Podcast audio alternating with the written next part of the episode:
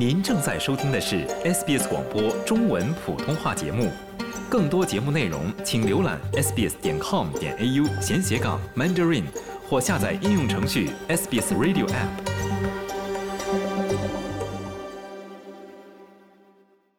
由于政府网络安全监管机构制定的五项新的行业新规即将生效。许多社交媒体公司、应用程序商店、互联网服务提供商以及其他相关公司都需要采取行动，处理所谓最糟糕的网络内容。澳大利亚电子安全专员格兰特说：“这是澳大利亚网络安全的一个里程碑。”我认为多数澳大利亚人都会感到非常惊讶，因为此前世界上还没有任何一个地方对于网络安全制定有约束力的法规和准则。同时要求特定的技术部门处理儿童性虐待、恐怖主义和暴力极端主义内容等问题，因此这些法规意义重大。它们是由行业自行制定的强制性行业规范。格兰特解释了行业新规的运作方式。这五项法规要求社交媒体公司、应用程序商店、互联网服务提供商、托管服务提供商，以及我们通常所说的企业托管服务提供商，如微软或 AWS 制造商和供应商，采取有意义的行动，处理最糟糕的网络内容。包括儿童性虐待和支持恐怖主义的内容。这意味着技术战中的每一部分、每一个参与者都要在监测、删除、阻止和破坏这类可怕内容方面发挥一定作用，而且他们是针对每个代码段的。当今时代，技术日新月异，保障网络安全面临巨大挑战。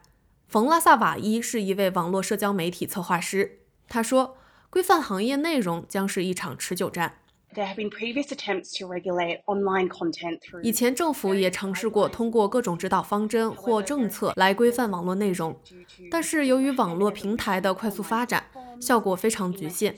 近年来，我们看到了 TikTok 和短视频内容的爆炸式增长，这使监管政策的执行变得相当具有挑战性。那些措施难以有效应对出现的新型网络威胁。而现在出台的行业法规要求社交媒体服务行业按照准则行事，并且赋予澳大利亚的个人向服务机构提出投诉的权利。如果投诉得不到解决，澳大利亚人可以通过行业规范投诉表向 eSafety 寻求帮助。格兰特说，eSafety 将有权进行调查，并采取包括禁令和罚款在内的强制措施。他说：“So this will give.” 因此，这将为澳大利亚公众或其他相关组提供一种能力，比方说，他们看到了违反社交网络政策的恐怖主义内容。如果他们进行举报，但内容并没有被删除，或者他们一直看到相同的内容，他们就可以根据新规进行举报。我们的调查人员将展开调查，然后我们将通过多种方式进行处理。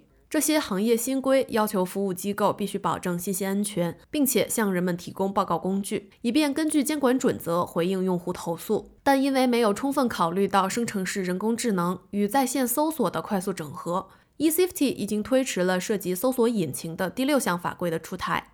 今年九月，国家安全管理局已重新起草了该法规并进行注册，将于二零二四年三月生效。另外两项涉及游戏、在线约会和信息服务的法规目前正在起草中，以供公众审议。但冯拉萨瓦伊说，虽然这些都是正向的改变，但可能仍然不够。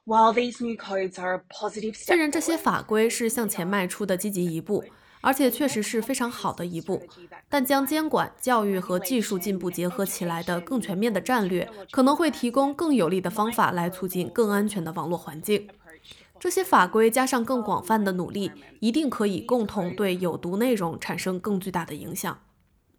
尽管如此，格兰特表示，确保网络安全的工作也尚未完成。There will always be work to be done. 我们需要做的工作不仅仅是让公司恪尽职守，承担起对有害内容采取行动的全部责任。同时，我们还要讨论在此框架中的个人。总会有人试图用新方法滥用技术。这有点像说，如果你制定了这项法规，你就能根除所有犯罪吗？不，我们不会根除所有犯罪。但我们的目标是让澳大利亚人的网络世界更安全、更积极、更无害。如果您在网上发现了儿童性虐待等非法内容，请通过 eSafety 点 gov 点 au 前斜杠 report 向 eSafety 报告。想听到更多这样的故事吗？